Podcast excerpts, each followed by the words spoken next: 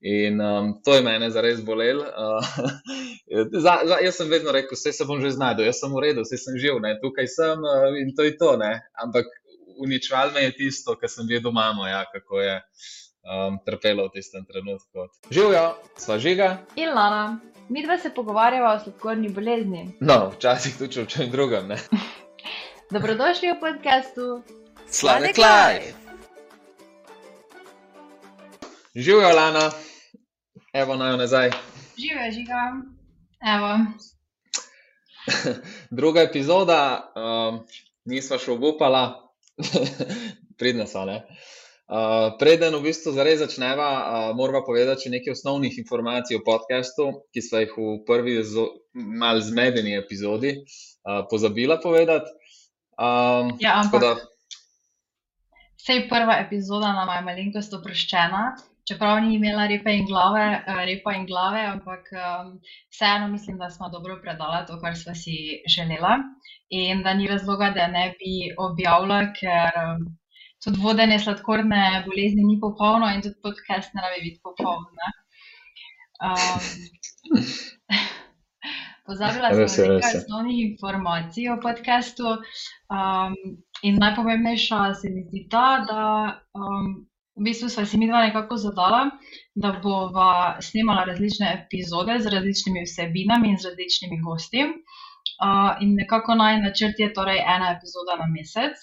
In za prvo takšno epizodo z gosti sva si um, v bistvu že izbrala najne mame. In um, tako ja, bo evo, zelo. Um, v današnjem podkastu ne bo samo ena, en gost, ampak bojo kar dve. Tako da um, so pa posebni gosti, kot si rekla. Ja. Um, to je moja mama Anita, pa od Lane mama Sonja. Mami Sonja. Živijo obema. Pozdravljeni. Ja, um, pozdravljeni. Um, ja, kje bomo začela, Lana? Um, tem in vprašanj je ogromno, informacij, izkušenj, znanja je ogromno. Jaz se že veselim no, vsega, kar boste vi dve povedali v tem podkastu, zato ker zgodba obeh je zelo različna.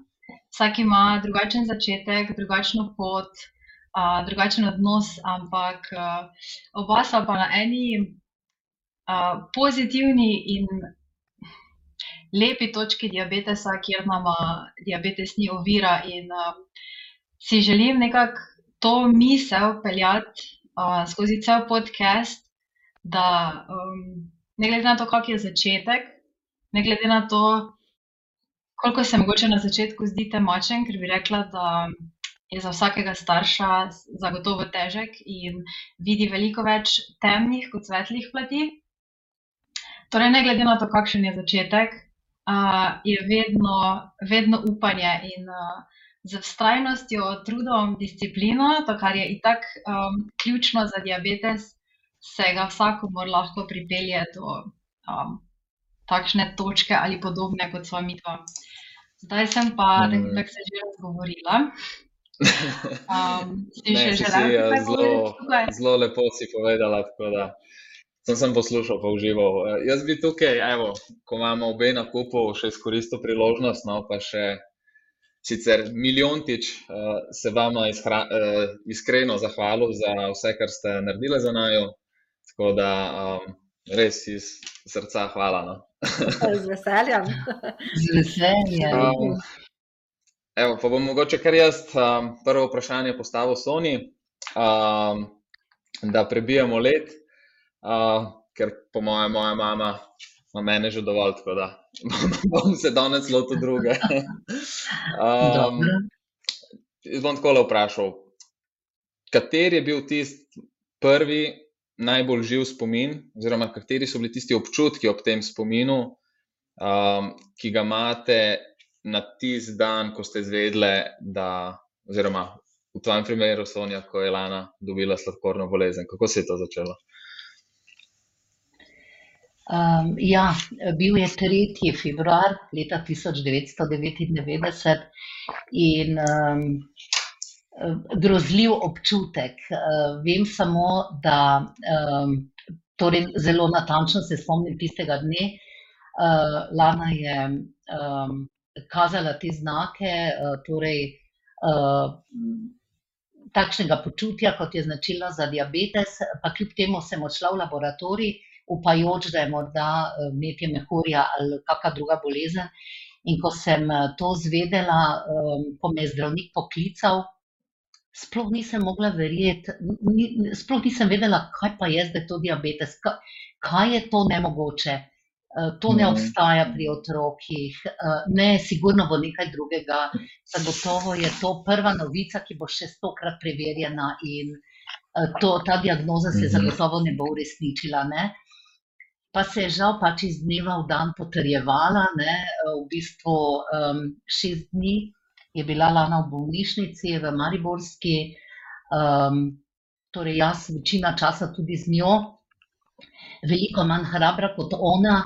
Uh, in uh, 9. februarja so odšli iz bolnišnice, torej ravno na današnji dan, pred 23 leti, uh, kakšno naključje, kaj ne. Uh, in potem, ko uh, si enostavno um, takole um, postaviš uh, v življenju, si rečeš, tako tukaj si in zdaj, kaj, kako pa naprej. Ne? In uh, to je zdaj dejstvo, uh, nič ne smemo več objokovati. To mi je želana rekla v bolnišnici, ko sem bila vsak dan vsa v solzah in mi je nekega dne rekla: Mami, veš, meni je pa že malo nerodno, ko si ti vsa tako otečena, ko sam jokaš. Ne? In uh, ja, moje dojemanje je bilo takrat sigurno manj. Um, ni bilo sploh skrbi, jaz se mi zdi, da kot otrok sploh nisem razmišljala, ali to prinese kaj slabega. To, um, Mhm. tako kot si rekla, Ja. v bistvu, moje razmišljanje pri teh letih je samo bilo, aha, kaj pa zdaj?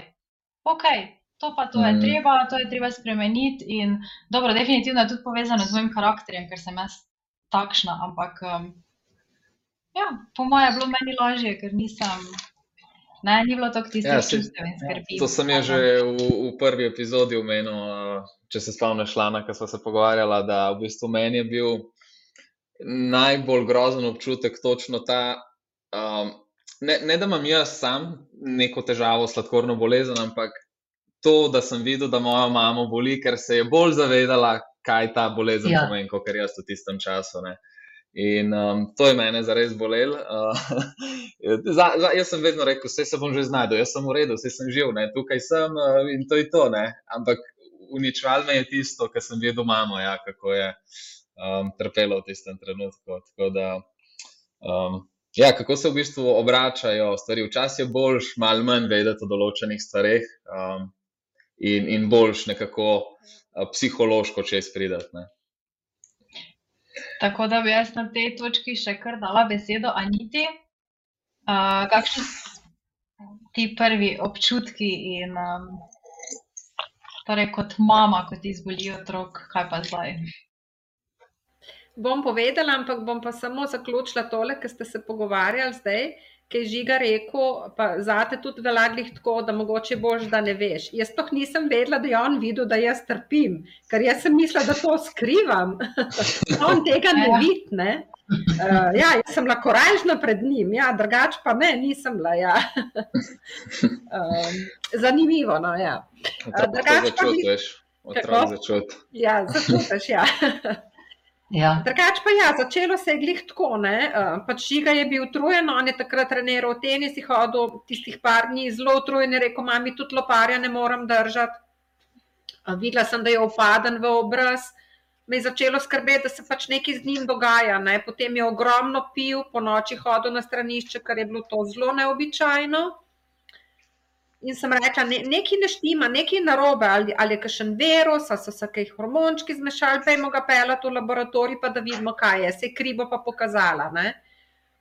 No, in zjutraj, ko smo ga odpeljali v laboratorij, nazaj v šolo, potem čez dve ure že telefon. Uh, Vaš žiga je sladkorni bolnik, takoj ga odpeljte v Ljubljano. In to je bil tak šok, da enostavno, ni- mislim, ne, kaj v Ljubljano, sama pri sebi, kakšna Ljubljana, on je zdaj pri pouku in potem, kaj je to sladkorna bolezen. Jaz se do takrat s tem nisem srečala, jaz dejansko nisem vedela, kaj to pomeni. Ne? No in potem so ga z možem res odpeljali v Ljubljano, takrat mu je sladkor zrastel že zelo visoko, sprejeli so nas zelo lepo in njega takoj na oddelek, z možem čakava in ni bilo to deset minut, ko pride zdravnica ven iz sobe, kjer je žiga ležal in pravi, vas otrok je sladkorni bolnik, začne neke napotke dajati, ki jih dejansko nisem slišala. In nisem se, recimo, en tak živ spomin zanimiv. Ne? Jaz sem se zdravnico, s tisto doktorico, hotla skregati, sem rekla: poslušajte. V petih minutah, desetih, ki smo mi tle, vi rečete, da je moj otrok sladkorni bolnik. Ne, ne, ne, sem rekla, orang ga pregledajte, pa, vi, pa boste pa že videli, kaj je. Ne, ne, in ja, se so nas pol potolažili, ampak grozno, no, grozno. Uh, taki, noč prijetni občutki itak pa zmedena, ker sploh nisem vedela, kaj to za sabo potegne, kaj to pomeni, kaj zdaj, kaj zdaj. Ker nisem znala nič, nič, kaj da ne bi znala živeti takrat. No. Uh, težko, hudo je bilo. No. Bil en tak živ, ki se spominja. Ja, se lahko mogoče klala glih, dobro izhodišče za naslednje vprašanje uh, za Sonijo. Mogoče, ka, česa mislim, okay, tist, ko je bil tisti uh, šok v prvem trenutku mimo, kje so bili strahovi, kaj so bili pravzaprav strahovi, ker jaz si ne znam predstavljati, no, ko nekaj tako stvar prvi zveš. Jaz kot otrok nisem imel strahov, ampak kot mama, pa malo bolj izkušena, ne, um, starejša. Zihar imate neke oprijemljive strahove. Kaj so bili v tistem trenutku te strahovi? Um, ja, um, Seveda je, mislim, to, to je toliko čustev v maminem srcu in duši, da v bistvu, če želim zdaj izluščiti, eh, največji strah, kako bo moj otrok živel s to boleznijo. Bolezen je tukaj in zdaj, in je treba začeti neko novo zgodbo, novo življenje. Eh, in moram reči, da je izjemno pomembno to, vse Lana je bila. Ja, tako kot žiga ti ugotavljaš, v bistvu nič ne veš o tem. In uh, moja Lana je po dveh dneh v bolnišnici rekla, da pa grem jaz zdaj spet plesati. Lana je takrat že dve leti trenirala latinske, latinsko-ameriške in standardne plese. Jaz sem pa tiste dni, ko sem hodila k njej v bolnišnici, že hodila gledati. Um, Pa v glasbeno šolo, če bi klavir igrala, pa iskala en kup nekih dejavnosti, zelo umirjenih, ne, ker da jo, pripra, da jo pripravi v življenje, kar ji bo zdaj olajšalo. Um, torej, moja edina misel je, kakšno bo zdaj njeno življenje, uh, kako ji jaz lahko pri tem pomagam. Um, in to da, um, ni, uh, to, da je imela ona sama pogum in optimizem, je bilo, je bilo veliko olajšanje. Mm. Vse to je na eni strani to, ko ne veš, seveda ne veš, kakšna je ta bolezen. Ne? ampak uh, ona me je vodila k temu, da sem bila pogumna, ne, da, da sem iskala. In potem sem res uh, sedem dni bila v bolnišnici.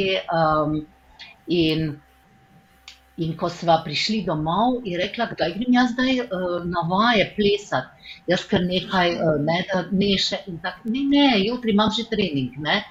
Tako da je, um, mm. že kar smo jo mogli peljati, učiteljica je bila zelo začudena, ja pa mislim toliko, da ni rekla, kaj ne bo odnehala. Uh, skratka, je potem še deset let trenirala in dosegala zelo lepe uspehe, um, tudi na državnih prvenstvih, z, vedno z sladkočkom, uh, nekje v žepku.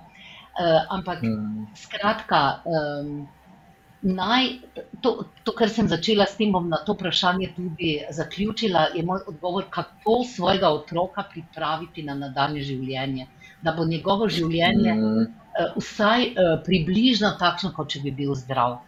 To, uh, je tudi, uh, to, to mi je tudi kot starševska dolžnost. No? Mm -hmm. Imam pa ja, zdaj ja. o tem, ko te poslušam, pa razmišljam mogoče žiga iz najnega vidika. Um, Pulj sem zdaj podoživela ena čustva, kaj je mama povedala. Da um, se spomnim, kako mi je šlo res na živce, da se je zdaj na mene gledalo drugače. Mm. Uh, torej, uh, Ja, eh, čutila sem, jaz se nisem takrat zavedala, ampak jaz sem čutila, da se dosti bolj pazi na mene.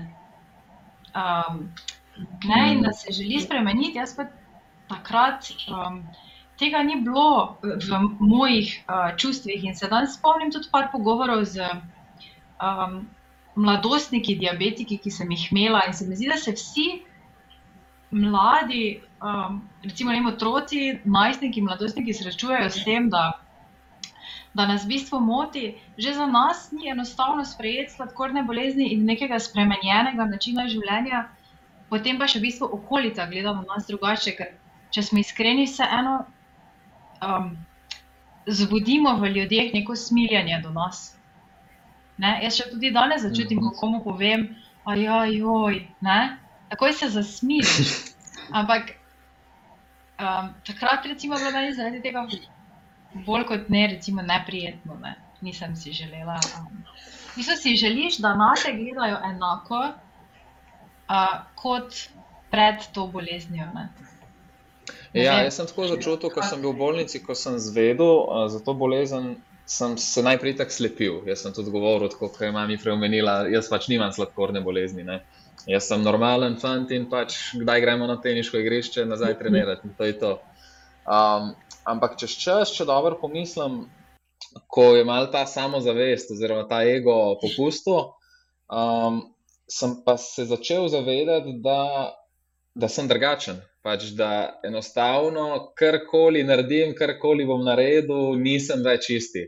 Um, vsak dan, mislim, ja. predstavljal sem mi to bolezen potem v, v bolnici, da me bo celo življenje spremljala, da zaenkrat ni zdravila, da ga najbrž ne bo in da tak sem. Ne? In v tem duhu so me tudi potem tam vzgali nekako um, in sem se mogel tudi sam s tem sprijazniti. In dejansko je bilo dobro, se je bilo težko na začetku, ampak čez čas, ko sem to dojel, da, da sem drugačen, sem pač eh, poiskal pozitivne stvari in plati eh, te zgodbe in obrnil vse poprit. Ker poznam pa veliko um, mladih sladkorčkov, ali pa tudi starejših, konc koncev, kar je še slabš, oziroma težje slišati, da nekako vidijo samo negativne stvari pri tem, negativno plat. Mm. Ampak jaz v vsakem problemu verjamem, tako sem nekako. Um, odrastel v tem, oziroma pač rojen pod to zvezdo, da verjamem, da pri vsaki negativni stvari, oziroma vsako negativno stvar, se da obrniti v pozitivno. No? Tako da sem tudi pri sladkorni bolezni to. Um, Nekako mi je uspelo to narediti, no? in, in moram potrkati, da sem, uh, da, da sem zadovoljen z urejenostjo moje sladkorne bolezni. No? Um, Drugače, mami, kaj, kaj si imela, pa Anita, no, mami, moja ja. mami, kakšne si imela pa ti uh, ja. te pomisleke, mogoče, oziroma te strahove, kaj je pri tebi najbolj um, bilo, mislim, kaj te je najbolj zaznamovalo? Ja, v bistvu, uh, prvo, ko sem prišla domov, sem začela brati, kaj to sploh je. Ne? In potem se niti nisem ukvarjala, ker sem bila tako zmedena. Imeli smo pa v Ljubljani veliko srečo, ki je bil v bolnici sva z možem vsak dan se vozila gor in smo imeli kot neke vrste šolo in smo se učili, kako živeti s to sladkorno boleznijo. Mislim, to, je bilo, to je bilo krasno. Ne? Eh, dobiš tam ogromno informacij, um, nauči se, kako dajati injekcije, kaj je, kaj kuhati, kako se obnašati, kako se preračunavati enote inzuli, uh, uh, oglikove hidrate v enote inzulina in tako naprej. Tako da to je bilo ogromno. Kako pogosto ste pa imeli to? Vsak dan. Vsak dan, vsak dan. Časa? Dokler si bil v bolnici, 14 dni. Ah, okay. 14 dni vsak dan. Dobili smo tudi nekaj gradiva.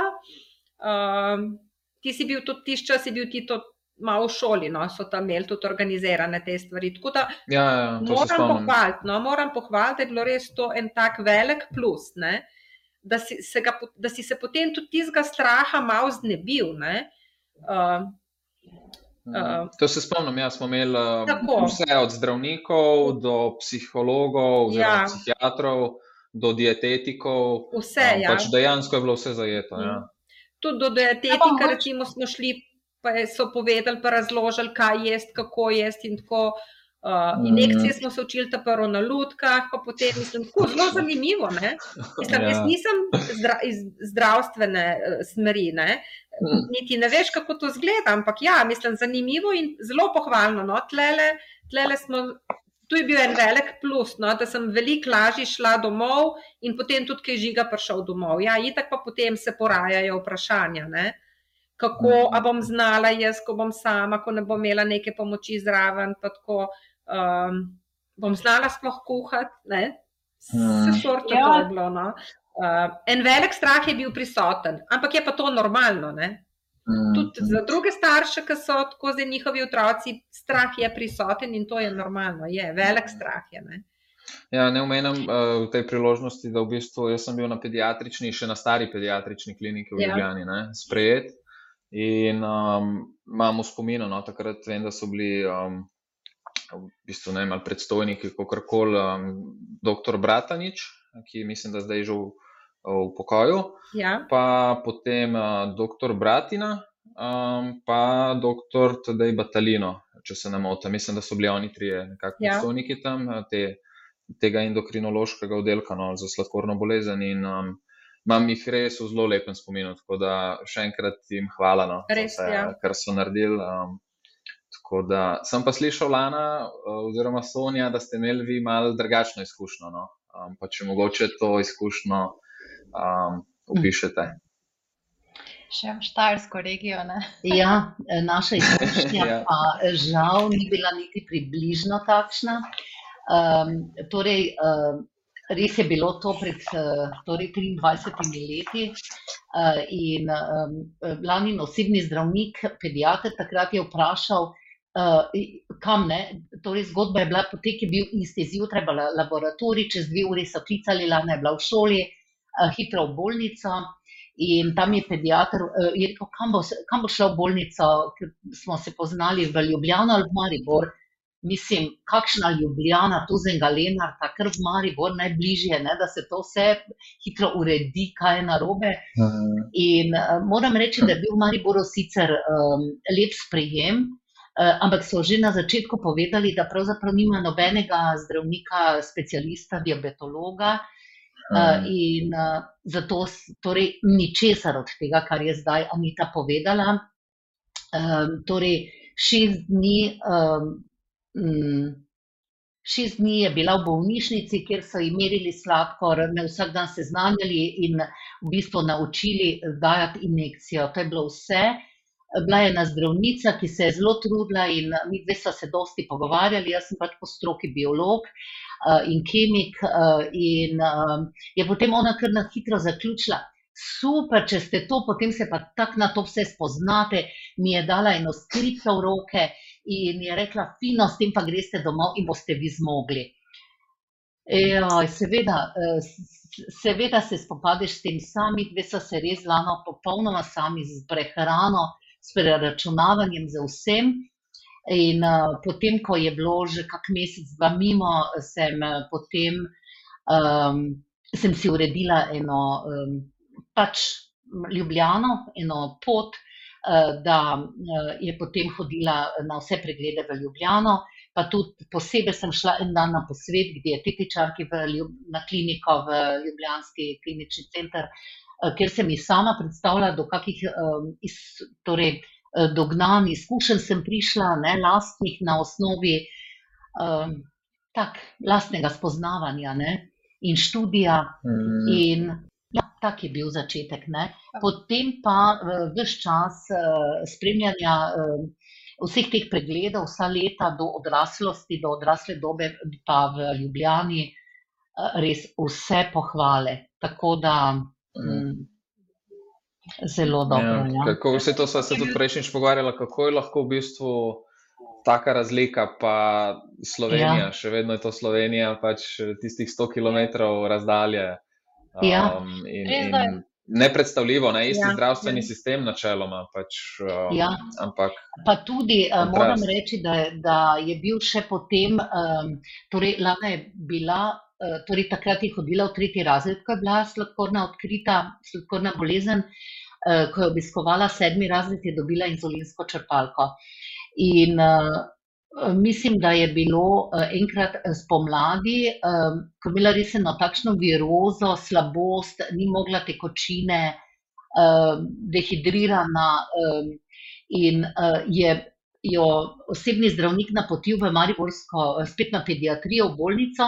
In ko so tam, aha, diabetik je diabetik, ne, ne, ni, ko so pa videli črpalko, pa ne, ne moremo, ne znamo, kaj naj zdaj s tem. Um, in so me napotili, da naj lano peljem v Ljubljano. Ne? In tam sem pa res potem, nisem mogla biti tiho, takoj poklicala dr. Bratino. Sem rekla, uh samo povejte mi, kdo bo odgovarjal za vso to pot do Ljubljane. In, um, in uh, so se potem zdravnico pogovarjali in videli, da v bistvu nič ni bilo takšnega. Uh, ostala je uh, v Mariboru uh, in potem je bilo celo tako, da je dva dni, da so me celo sestre in zdravniki ja, prosili za dovoljenje, če se lahko dovoljenje, tako zelo prijazno, če se lahko z njo pogovarjajo, spoznavajo, ker tega res ne poznajo. Ne. Um, mm. Je steklo, vse to, kar sem povedala, ta dogodek ni zdaj, ne želim kritizirati, ker verjetno so bili mm. sami tudi v enem takšnem, um, veli stiske, ko so sprejeli yeah. Ja. takšno bolnico. Ne, ampak danes se, mm. vsaj upam, da to več ne bi zgodilo, no, da so bolje opremljeni tudi z zdravniki, specialisti, vsaj upam, da je tako. No. Ja. Jaz, se, sem... leta, preden je prišla črpalka inzulinska k nam. Ja. In uh, tudi jaz se spomnim takrat, uh, mene so sestre naučile, kako si izmerim sladkor in kako si dam injekcijo. Ne, kaj drugega, mhm. jaz v tistem času nisem prejela in tudi imela sem eno knjižico, kjer sem morala zapisati jutranji in večerni sladkor. In to je bilo to. Bom še jaz eno svojo izkušnjo opisal, um, ko sem v bistvu šel, um, mogoče malo slabšo izkušnjo. No? Ker sem šel v novem mestu, sploh ne vem zakaj, ampak to je bilo že ne deset let nazaj. Sem šel na en pregled diabetologu v novo mesto, to je bilo čisto izredno. Vedno sem hodil v Ljubljano, vedno sem imel um, svoje zdravnike, večinoma dr. Bratino, no, do nedavnega. Um, in se spomnim, da je bilo tako, meni je bilo tako nerodno, ko sem prišel na ta pregled v novo mesto, ko me je v bistvu ta diabetolog sprašal, pa res nočem več kritizirati in vse, ampak vidim tukaj en prostor, mogoče za napredek v tem prostoru zdravstva, um, da se mogoče te um, malo decentralizira iz Ljubljane, si vem, tam mora biti um, načeloma neka baza, ampak um, potem pomislim na vse ljudi, ki ne morejo priti do Ljubljane, predvsem starejši kakšno slabo skrbo imajo. No? In, in spomnim se te zgodbe, ko sem jaz temu, ko mi je postal, postal diabetolog, sem starejši gospod, zdravnik. Mi je postalo tako neumna vprašanja, ki sem jih jaz vedel že v tistih prvih 14 dneh, ko sem uh, v bistvu uh, zbolel za sladkorno in so me naučili vse o Ljubljani. In sem nekako se počutil v vlogi učitelja. In mi je bilo tako res, takrat sem se zamislil, no, prvič, ker prej sem imel same dobre izkušnje in me je uh, presenetilo. -huh. Um, tako da mogoče tukaj vidim nek uh, prostor uh, za, za napredek oziroma za izboljšavo. Tako da, Lana, evo, ti predajam, ki sem te prekinil. Ja, to bi definitivno, ker jaz imam nekaj stikov, recimo z diabetiki tukaj pri nas. In vsi, vsi v bistvu hm, hodimo v Ljubljano na preglede, ker um, ni tukaj um, neke kakovostne obravnave sladkornih bolnikov, ali pa mogoče, da je naše področje bolj usmerjeno v diabetes tipa 2 kot pa tipa 1. Se mi zdi, da tip 1 je res um, tako centraliziran v Ljubljani. Um, prej sem imela eno vprašanje. Um, ti ne strahovi in pomisleki, ko, ko smo v bistvu v obeh primerih, um, ali pa ok, bom v vajnem primeru, zato ko sta, ko sta zažiga prišla iz, um, iz klinike, um, pa, os, pa ste ostali sami. Uh, Kaj je bilo pa takrat, ko ste v bistvu, ali tako, kakšni so bili občutki, ali pa mogoče potem, kakšna so bila vprašanja, ko, um, ko več ni ob vas več čas zdravnikov in um, neke pomoči, ampak ostanete za situacije, sami, kako je bilo takrat. Mogoče tistih prvo, prvo leto, ko smo se še vsi spoznavali za sladkorno in uh, ne se še ne soočili z hipo, pa z povišanjem sladkorjem, pa z zamašeno, ne vem, inzulinsko črpalko. um, neki sladkorji, ki ne padejo. Uh, kako je bilo takrat? Ja, v tistih situacijah, no, ko je žiga pač prišel domov, ja, seveda. Uh, sem, uh, malo me je bilo strah, no, ampak je to kar šlo, pogovarjali smo se veliko, tudi žiga je kaj povedal, mogoče pomagal, ker je bil očitno on že prej povedal.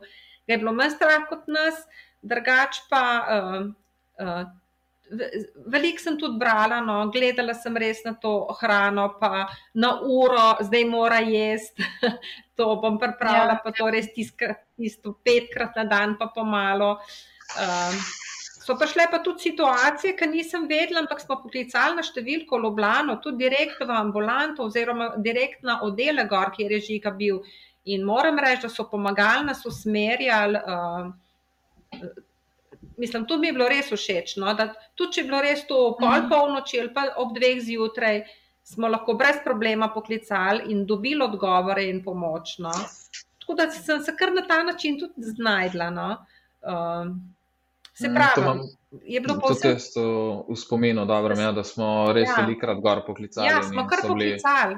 Se spomnim, enkrat sem šel na teniški turnir Glih v Maribor.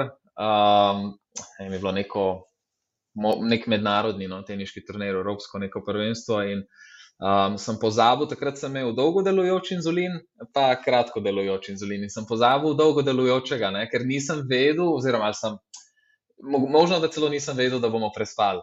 In po- potem smo se zadnji trenutek odločili, da prespimo, ker sem zgodaj zjutraj igral in jaz nisem imel dolgo delujočega inzulina. Ne? In smo klicali gor v Ljubljano in so potem oni preračunali, na, mislim, koliko noči Mhm. moram dati v tej uri, pa potem po noči še enkrat, pa še zjutraj, da bom nekaj pokril s kratko delujočim inzulinom. Ne? Um, tako da to je bila ena taka zanimiva izkušnja, ki vem, da so pomagali. Moram pa reči, mislim, zanimivo eno stvar, mogoče malo smešno, uh, ker smo govorili o teh strahovih, najbrž, ki sta jih imela moja starša, ki so um, v tem prvem letu vodenja sladkorne bolezni. Vem, da uh, doskrat sta mi tudi one dva dala injekcijo, da sta se navadila, da sta se naučila. Um, in sem jaz kdaj pa kdaj izkoristil to prilo priložnost in um, neupravičeno pojamral, da sta me glih tam zabodla, ker najbolj boli, pa jokal, pa stokal, v bistvu sem se sem smejal na noter, tako da to sem mal ponagajati, no, tako da sem tudi te, um, verjamem, da mrs kater diabetik mlad Torej- eh, tole naredi, tako da kdaj si, kdaj si lahko prvošč vse. No, tole sem jaz zdaj izvedela, ne? prej nisem vedela. Ne? In ker je rekel, boli, av, zadela se me glih tam, kar najbolj boli, ja, sem trpela. Hudo, ker bi raje raje dala sebi injekcijo, kot njemu. Ne? Ker Mame, Ja. mame pač tako čutimo, se mama je mama, seveda, za otroka bi naredila vse. Ne? Sej sem rekel, kdaj pa kdaj. sem- nisem, Kdaj pa nisem kdaj se to- jaz to vem, da je bilo kdaj pa kdaj, ampak tudi za tisti kdaj pa kdaj mi je bilo hudo. Ja, ja. Sem jaz čutila, ko sem jih vidva dajala, da ta, ta občutek sem čutila, kako v bistvu mamo bolj boli kot mene, da mi mora dati injekcijo in je zato Mm. skrajno previdna, kje me bo zabodla, kak me bo zabodla. In se mi zdi, od vse te napetosti je potem mene dejansko vedno bolj bolelo, kot če sem si dala sama. Ne? Mm. Um, da, jaz nisem bila Ja, ja, to ljub kot ti žiga, nisem se pretvarjala. Si bila iskrena.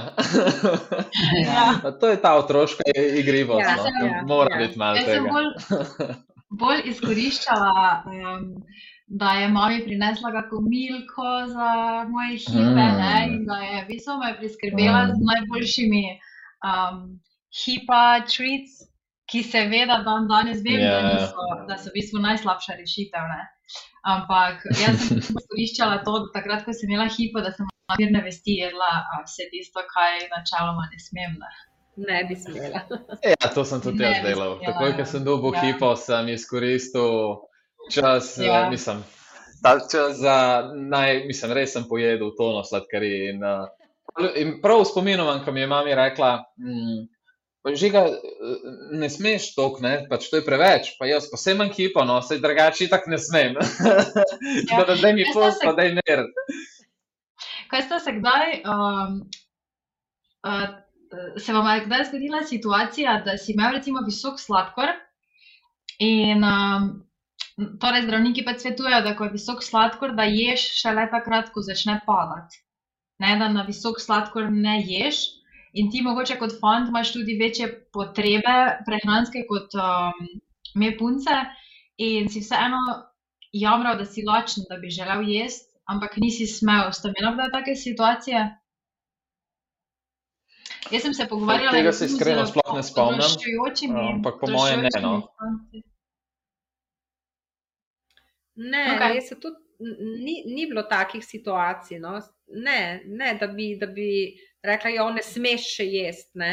Ne, če se mi je že zgodilo, se mi je to, kar sem rekel, ko mi je sladkor padel, sem pojedel pol hladilnika. Takrat sem res pretiraval in um, je šlo, sem imel full spikov, ne, torej Ja, ja, ja. iz res hipe do, tudi do 20 je kdaj sladkor skočil in me je to mogoče hecalo. Tako da mogoče sem kdaj na trenutke tudi izkoriščal te hipe, Ja. oziroma čakal še malo, ker sem čutil, da bo sladkor padel, pa da sem si potem lahko prvoščil nekaj sladkega, kar je totalna neumnost. Ne? Pač, um, itak čutiš, da ti bo sladkor padel, prepreč to, ker hipa je res, res slaba stvar. No? Uh, še zdaj se kdaj ne zavedam, koliko je to velik šok, pa udarc za, za naše možgane in telo.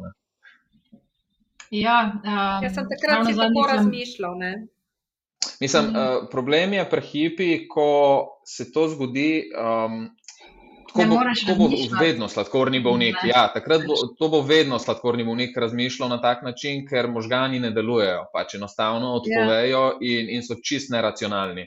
In zato še Mhm. danes, če z meni sredno čist sladkor pade, grem do hladilnika. Sej se zdaj, če dalje večkrat se zavedam, ker vem, da kako se bom počutil na podlagi izkušenj.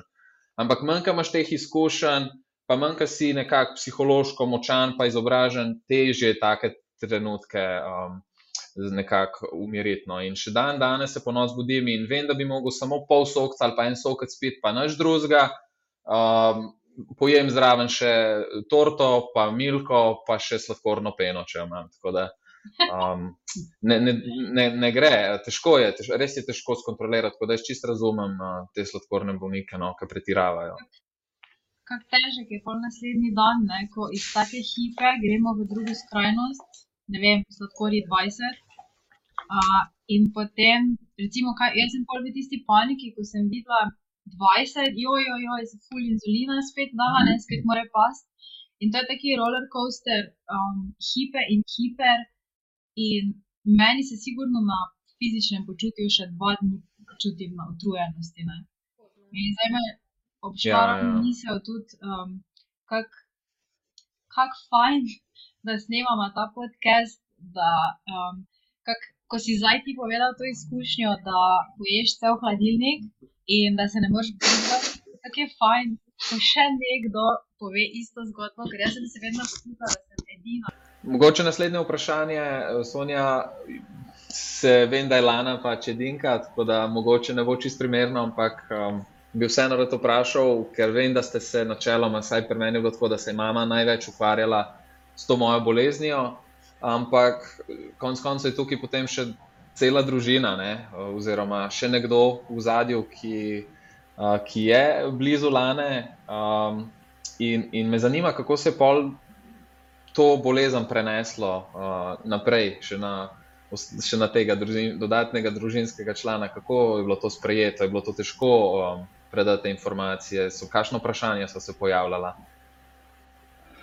Um, ja, pri nas v bistvu ni bilo težko. Eh, Naša širša družina um, je lanino bolezen v celoti sprejela. Eh, Pravzaprav še danes ne, eh, nekako izmenjujemo neka mnenja, neke izkušnje. Um, Lanine nekako smo ji v podporo. Torej, res je, da smo najbolj v bistvu premagovali vsakodnevne skrbi, mi dve z Lano, jaz kot njena mama.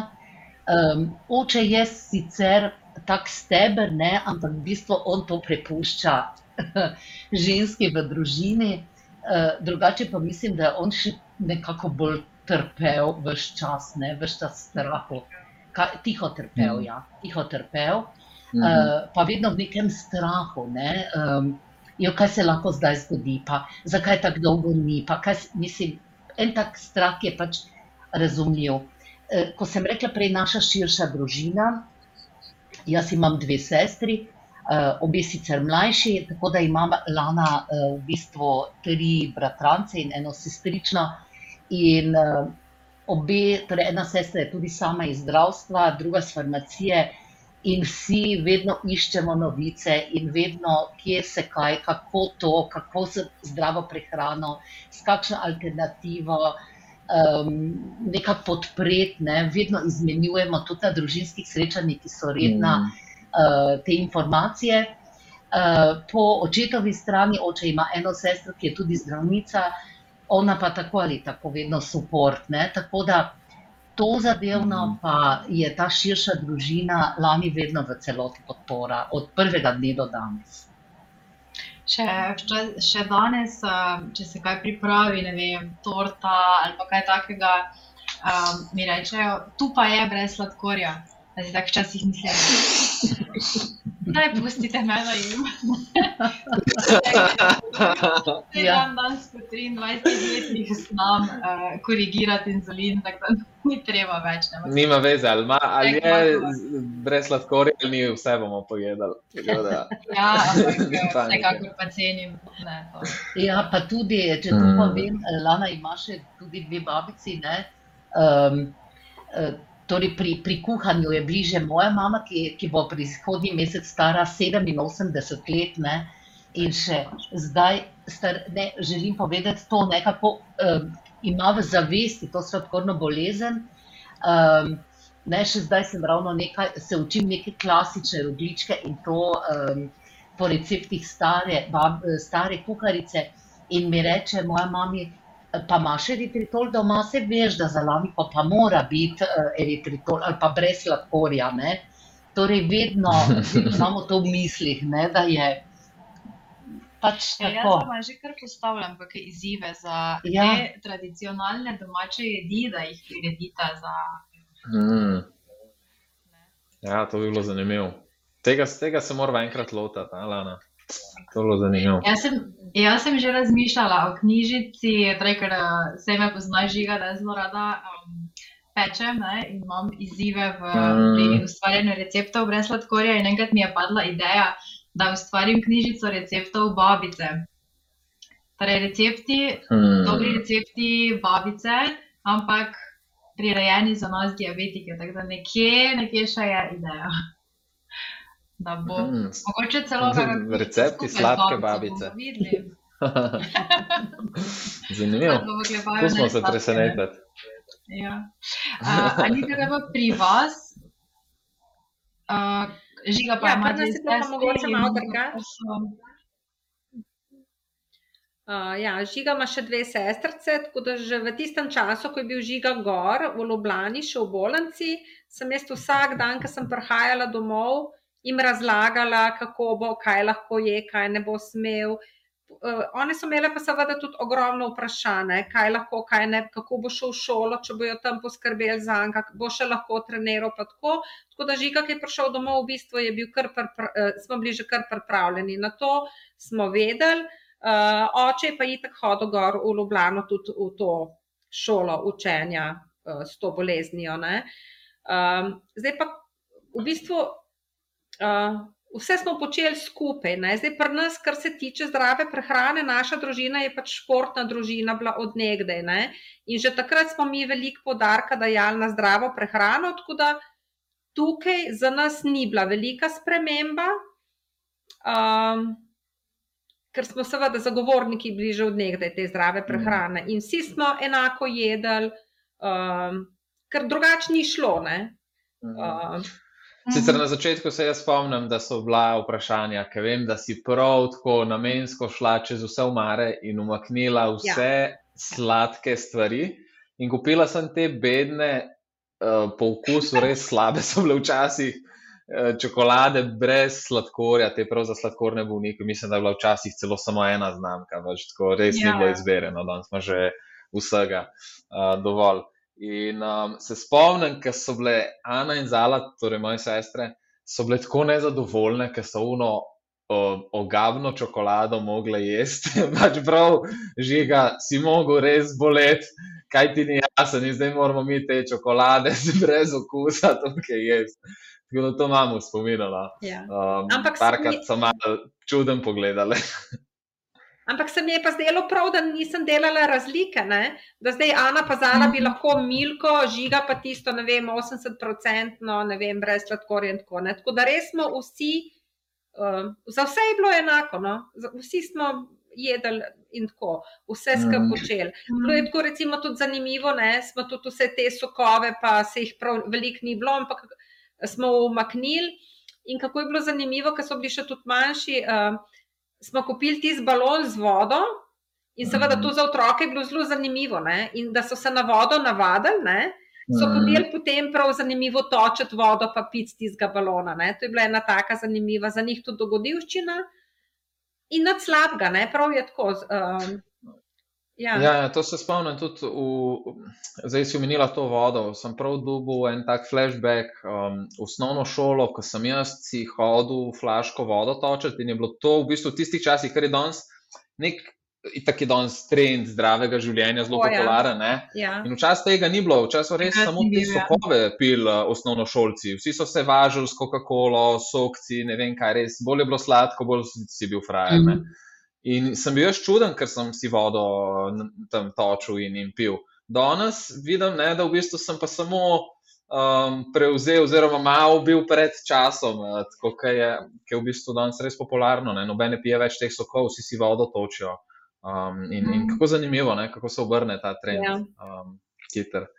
Um, sej mogoče se to, to vprašanje naslednjo za Sonja m, nekako navezuje ali pa povezuje s prejšnjim, prejšnjim vprašanjem.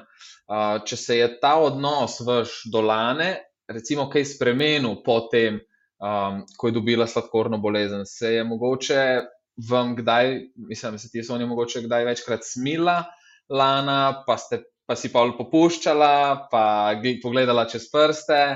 Um, ker imam občutek, da pri meni je bilo nekaj tasga. Uh, ja, ne vem, če bi poznala mamo, ki bi lahko rekla, da temu ni tako. Ne? Um, že nezavedno uh, popustiš veliko krat, ne? ko vidiš, da je sam žiga, veš, če si treniral, sploh če ste športna družina. Uh, ne, um, Lana tudi do drugega letnika gimnazije trenirala ples, potem se je z jahanjem ukvarjala to so taki športi, ki tudi potrebujejo veliko neke energije. In uh, bila bi neiskrena, če bi rekla, da nisem, um, seveda, kdaj tudi pogledala. Seveda, smili se ti, tvoj otrok je uh, zagotovo, vedno se pa, um, um, vedno se pa moraš pri tem premagovati. Ne? Aha, ja, je že, je že, ne vem, nekje. Um, je že moralo priti do tega, poglej, ampak zmore pa to, pa to, pa to. Ne? Vedno se moram nekako nek notranji jaz, sama sabo pogovoriti, ne? da tisto majčkeno, majčkeno popuščanje ali pa majčkeno catlanje, bom rekla, ni nič hudega, ker po drugi strani pa res moram povedati, da je Lana zrasla v eno tako zelo pogumno, pogumno dekle ali pa zdaj že žensko. Um, da si še danes rečem, poglej, vse to zmore. Ali res to zmore pri tej sladkorni bolezni? je. Prav tako občudujoče. Ne? Um, in veliko krat, uh, tudi ko imam tudi sama kak slab dan, pa sem načeloma zdrava, pa, re, pa, pa spet pomislim na lano, pa rečem, gled, s to boleznijo to premaguje. Pa se tudi na druge, kakšne sladkočke, s katerimi se srečujem, spomnim. Uh, in potem si rečem, saj najbrž imamo jaz in cela družina eno zaslugo za to, da smo pravzaprav do te točke tudi pripeljali. ne. Um, ja, ja, Ja, to je pa tak res, eh, majčkeno lep, eh, popuščanja. Ja. Ja, ja. Ne, to, to na koncu res uh, poklopi in um, prideš do zaključka, da v bistvu um, je ena taka Ja. lepa pohvala samo sebi, ko vidiš um, otroka, ne, ki nekako živi s tem in, in Ja. dela. Ne, tako da um, vse smo vaje že prej pohvalili, pa bi še enkrat. um, tako da, ja, mami, mogoče pa ti poveš, kako je bilo pri nas. No? Um, če si mene. Ja, sem želela uh, vrniti. Če si kdaj pogledala, ja, čez, čez prste, kdaj. Ja, jaz sem mislila, da nisem. Trudila sem se, da ne bi, ampak ni šlo, da zmeraj sem, uh, zmeraj sem, sem uh, popustila, pogledala čez prste, vedela sem, ampak kar nekako, ko se ti še, pa zakaj pa ne, ne? Pa, kar mhm. malo sama sebe, ah, se je nič hudega. Um, Ja, ja. Ja, Mislim, um, sej, sej to se najbrž zgodi, pa ni tako očitno, kot se zdaj mi pogovarjamo. Ampak to se zgodi pri nekih starih, ki so v bistvu res take malenkosti, uh, ki ne podrejo tega sistema ne, ja. do konca. Tako da um, tudi verjamem, da so moje sestre kdaj občutile to. Tako da se mi iskreno upravičujem za, za vse skrbi, ki sem jim povzročil. Privilegije. Ampak, ja, za vse privilegije, ki sem jih imel. Um, ampak enostavno mislim, da, da smo vsi ljudje in da tukaj ne moramo zares um, odrezati in biti um, nekako um, neki sodniki in reči, tukaj je meja. Pač enostavno so čustva v igri in verjamem, da pri mami še toliko bolj. Um, verjamem, da ko bomo mi dva zlano tudi starša, bomo to veliko bolj razumela, no? um, da ne gre vse po neki ravni liniji. Ne? Um, jaz, jaz bi tudi recimo zase rekla, da sem se zdaj za tebe žiga, ne vem, ampak um, me zanima tudi tvoj odgovor na to, uh, da sem jaz tudi pri sebi si kdaj rekla. Ali pa sama sebi skozi prste pogledala. Um, mm pa ne vem, vse v smislu je, da me že življenje z diabetesom dovolj stane, da lahko tukaj malo pošvinglam. Oziroma, ne vem. Ja. Pojem, ja, naj, mislim, kaj da... ni najbolj priporočljivo. Ne vem, mm. ne? v smislu, tako kot so nama, mogoče starši gledali skozi prste, bi tudi jaz zase rekla, da sem si kdaj. Ne? Ja, mislim, logično, vse tega ne moramo zanikati. In jaz mislim, da smo, vsaj pri sladkorni bolezni, vidim pri ostalih diabetikih, ki me kdaj vprašajo, zakaj še na svet, smo preveč strogi do sebe in si lahko to dovolimo. Čeprav mogoče v teoriji ne, ne bi bili um, krhki in bi mogli biti nekako roboti, pa to voditi, um, tako kot si tudi stroka. Um, Želi, ne, uh, da je res vse, ja. da je ta linija sladkorja vse čas ravna na 5,5, ampak um, jaz mislim, da to za neko uh, mentalno zdravje je veliko uh, boljša pot, če si dovolimo kdaj pogolfati, um, če ja. si dovolimo um, biti malo neurejeni pri bolezni. In, in na koncu je bolj zdravo, kot kar mogoče. Tudi če ti je sladkor za njih do 15, kdaj, um, pa si ne vem, pojedel tisto torto za dušo, konc koncev. Um, če bi se štel, lahko vse te trenutke v življenju, mislim, da na koncu um, je poplačano in, in si bolj zdrav na račun tega. No. Da, ne vem, kaj ti misliš. Ne, ja, kot veš, da že stres vpliva na krvni sladkor. Ne? Če si že delamo mm. z, s tem, da želimo čim bolj perfekcionizirati vodenje diabetesa, že s tem delaš tik stres. Jaz to vidim sama pri ja. sebi. Ko včasih sem tako jezna na sebe, da ne vem, zakaj si nisem bolj natančno zračunala oglikovih hidratov, zakaj mm. sem spustila tisti obrok. Ne vem, mislim, samo sebe kritiziram, zakaj sem si dovolila, da mi je sladkor narastel, ne vem, 12, 15, 18, pač mm -hmm. 20 ali pa več. Ne? Zakaj sem yeah. si to ja. dovolila? In v tisti oh, jezi in krivdi, zakaj sem si to dovolila, si ponavadi tudi dam preveč inzulina, ker hočem čim prej, da mi pade, potem ja. sledi spet hipa in naraste. In tako ja, to je začaran krok. Cel moj dan, ne? ja, vpliva mm. na cel dan in ti povzroča stres, in na dolgi rok, sigurno, taki dnevi niso. Uh, oziroma, bolj pride prav ta tvoja zdaj teorija. Kot, Kot praviš, da si pač dovoliš, ja. okay, sem samo človek, sem se zmotila in bom to rešila zdaj mirne vesti. Ja, se strinjam. Jaz mislim, da se kar sam poskušam delati zadnjih par let, um, recimo na sebi. Najbolj sem se vedno obremenjeval in največ težav sem priklical iz zgodovine, ker je totalna neumnost, če tako pogledaš. In potem se ustvari ta začaran krog, ker se obremenjuje, zakaj sem to Mhm. naredil, pa zdaj, zdaj se pa slabo počutim. Ne, lej, nauči se nekaj iz tega, poglej in se ne obremenjuje, ker si samo povzročaš dodaten stres in ta stres vodi v neracionalne odločitve za naprej in si spet slabo odločitev priklical in imaš neko sranje. Tako da res poskušam zgodovino tako racionalno pogledati, da to se je zgodilo, posledica tega in, in tega ne bom ponovil. Ne pa zdaj, oj, pa zakaj, pa se smilim sam sebe, pa mi spet uh, si stres povzročim, pa mi sladkor naraste in same negativne stvari. Tako da um, moramo si, mislim, najlažje je potem, vsaj jaz um, imam nek tak recept in si rečem, um, da ne pogledam, uh, oziroma da sploh ne kritiziram zgodovine, da, da se poskušam samo učiti, Mhm. to si naredil. In, in uh, gremo naprej. Pač obstaja sedanjost in obstaja prihodnost, pa tudi prihodnost zares ne obstaja, ker smo živimo samo v tem trenutku. No? Tako, da, um, tako nekako poskušam gledati. Ja. Um, mogoče nas kar naslednje vprašanje za, evo, za Sonjo. Um, če lahko primerjaš um, današnjo la, uh, Lano in Lano, torej, ko je zbolela, pa ta odnos do Lane zdaj, pa Lane prej. Uh, kaj se je vse spremenilo v, v, tem času? No? Kako se je ta pogled zdaj na sladkorno bolezen, na samo um, Lano spremenil? Uh, ja, v teh 23 letih se je res marsikaj zgodilo. ne. Um, torej, Lana je iz otročka zrasla v, v odraslo žensko, medicina je napredovala, uh, moj odnos uh, kot matere se seveda spreminja skozi različna obdobja odraščanja. Um, Več je tudi možnosti, ne? več je možnosti eh, na področju prehrane, na področju iskanja informacij. Vse je bistveno drugače, kot je bilo takrat na začetku.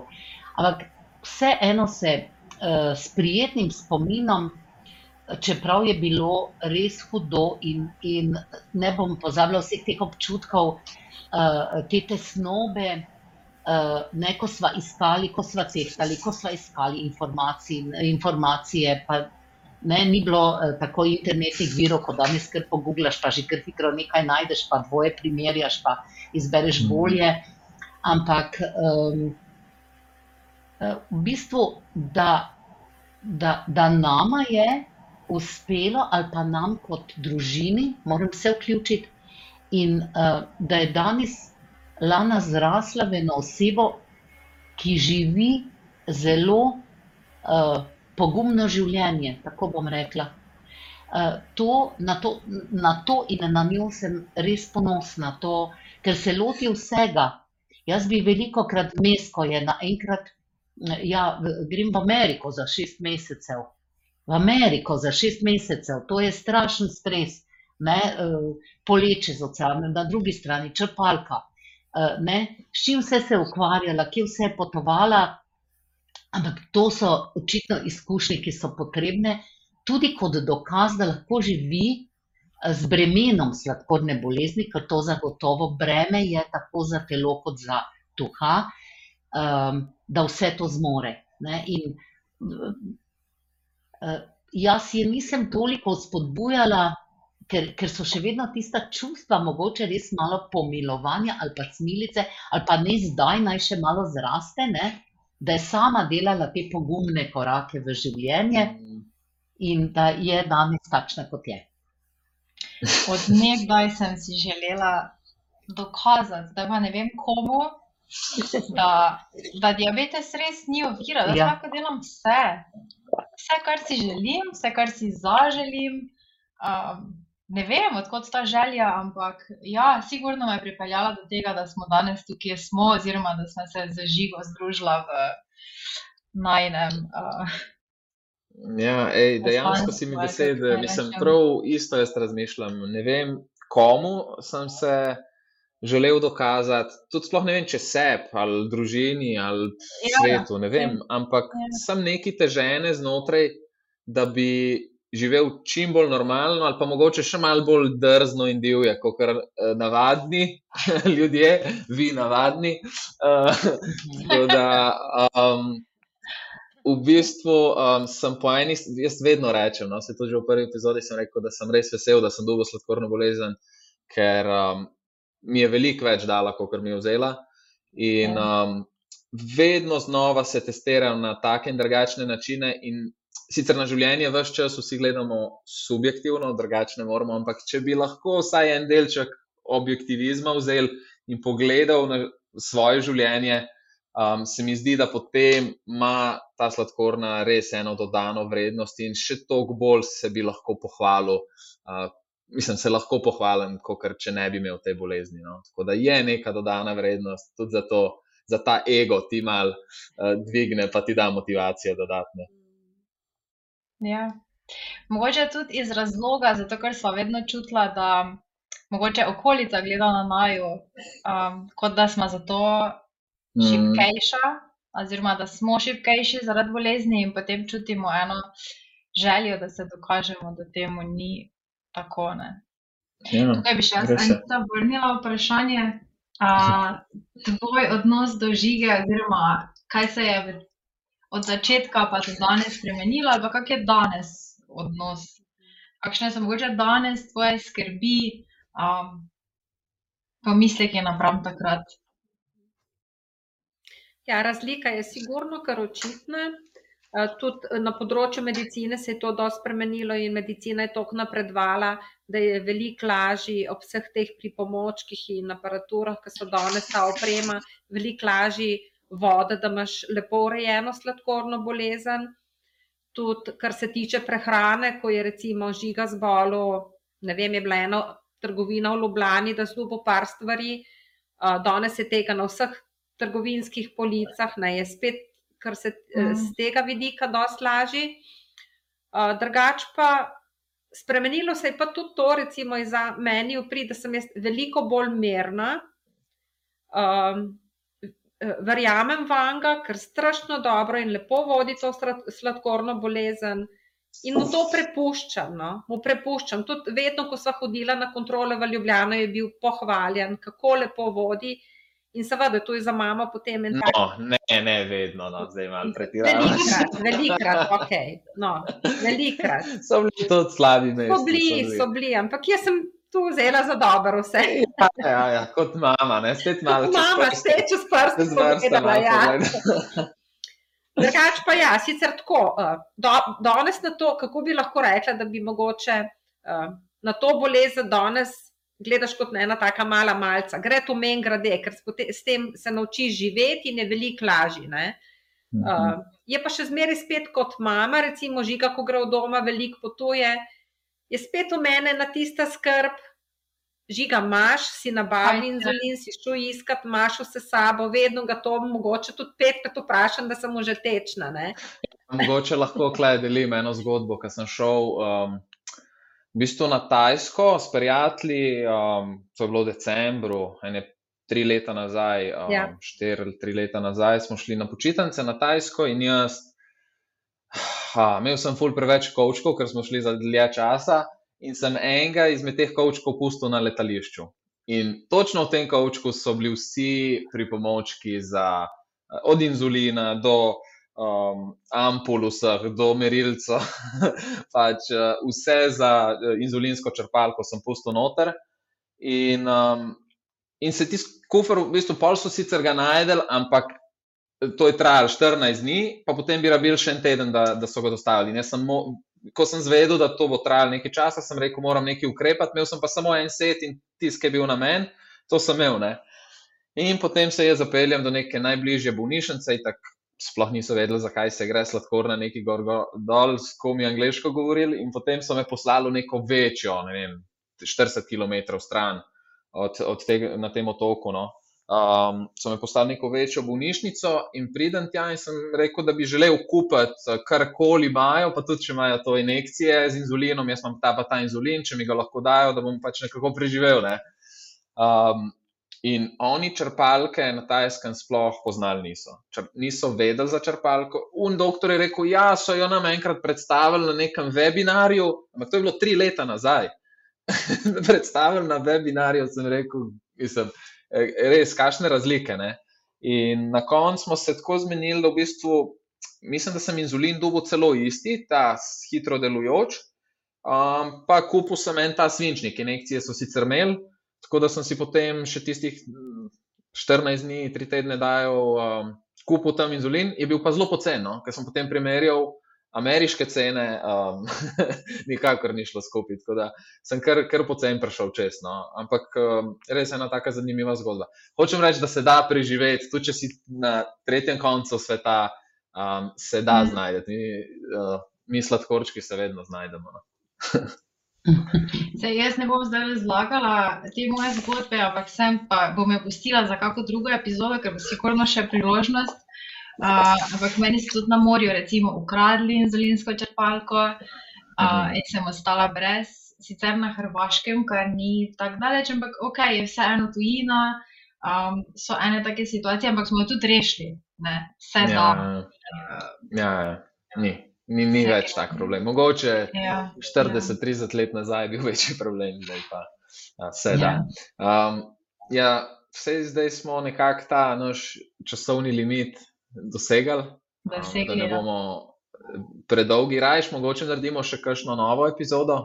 Um, nama se je bilo zelo zanimivo z vama pogovarjati, sva res um, uživala in sva hvaležna, no, da ste si vzeli čas. Um, tako da bi mogoče zaključil um, vaju vprašal, mogoče za nek nasvet, za neko zaključno misel, če podate, mogoče um, ob koncu no, te epizode Sonja. Kaj bi želeli deliti? Um, ja, karkoli. Drugim mamam, ki, um, Tako, ki ja. jih doletijo sladkočki. Um, čim bolj. Um, čim bolj jih pripraviti na, samo, na, na samostojno življenje, na pogum. To bi res svetovala, brez um, to, kar je bilo že nekako uvodoma uh, povedano. Um, jaz tudi spremljam, um, oziroma imam priložnost pa srečati v današnjem sistemu. Uh, recimo osnovnošolskim otrokom uh, z, torej z diabetesom, uh, pripada spremljevalec, pa so starši tukaj, ker želijo 8 ur, včasih tudi več, v, več časa, eh, učitelj gre na izobraževanje. Eh, skratka, lepo, vse se lepo sliši, dovolj pozornosti.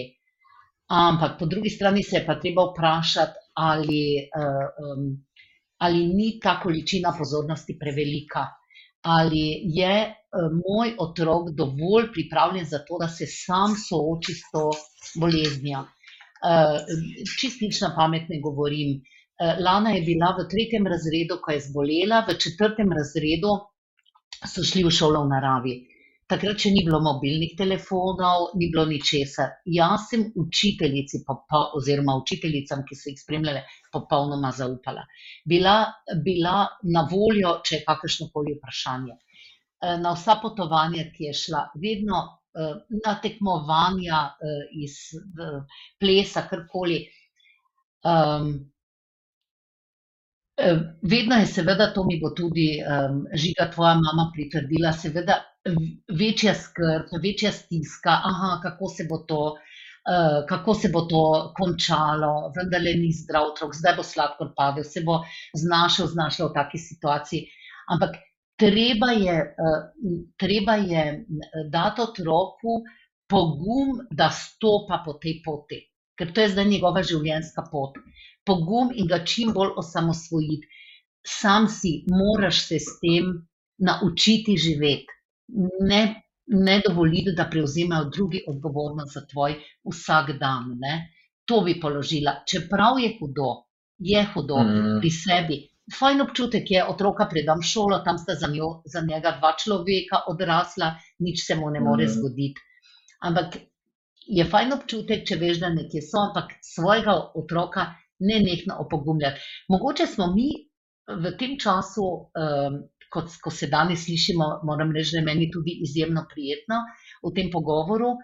Pa m, so se malo čustva tudi um, spet prebudila za vsa ta leta nazaj.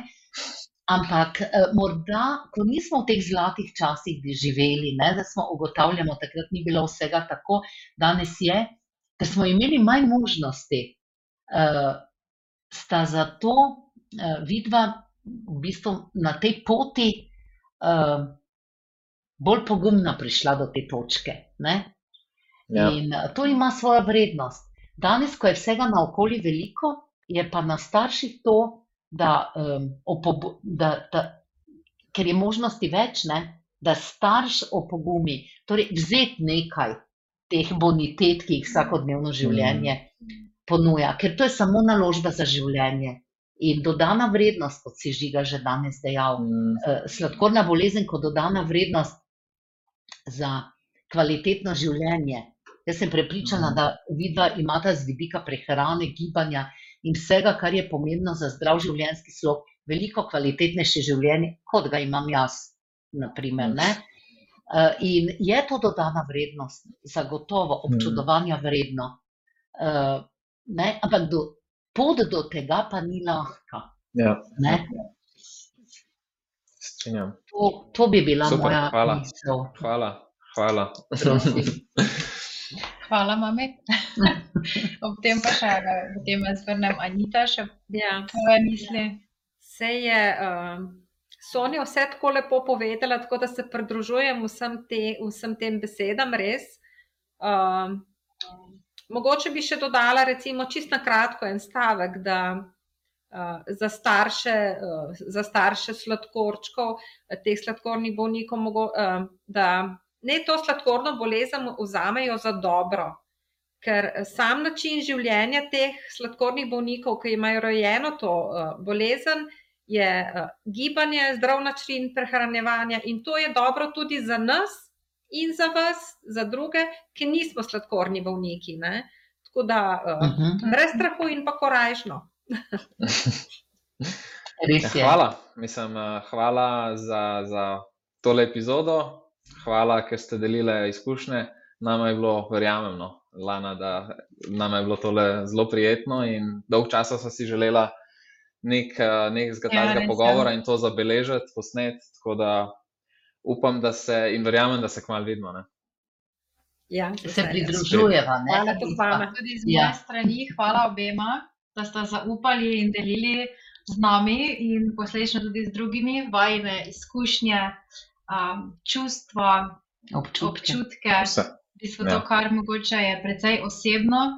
Uh, in jaz sem zelo vesela, da lahko s tem podcastom, oziroma s to epizodo, pokažemo, da ne glede na to, kako različna sta bila najna začetka, ker ne vem, vsak piše svojo zgodbo, ampak ne glede na to, kakšno piše, se um, lahko razvije v eno lepo zgodbo, kjer je diabetes prednost in naša moč. Ne. Tako. To je to. Lepo zgodbo. Ja. Ja. Ej, najlepša hvala. Pa Enako. Čau, čau. čau, čau pozdrav. Čau, čau. Če ti je najn pogovor o sladkorni bolezni všeč, naj lahko podpreš tako, da se naročiš na podcast in ga deliš z ostalimi. Za kakršna koli vprašanja pa nam le brez oklevanja piši in z veseljem odgovoriva. Čau, Čau, čau! čau.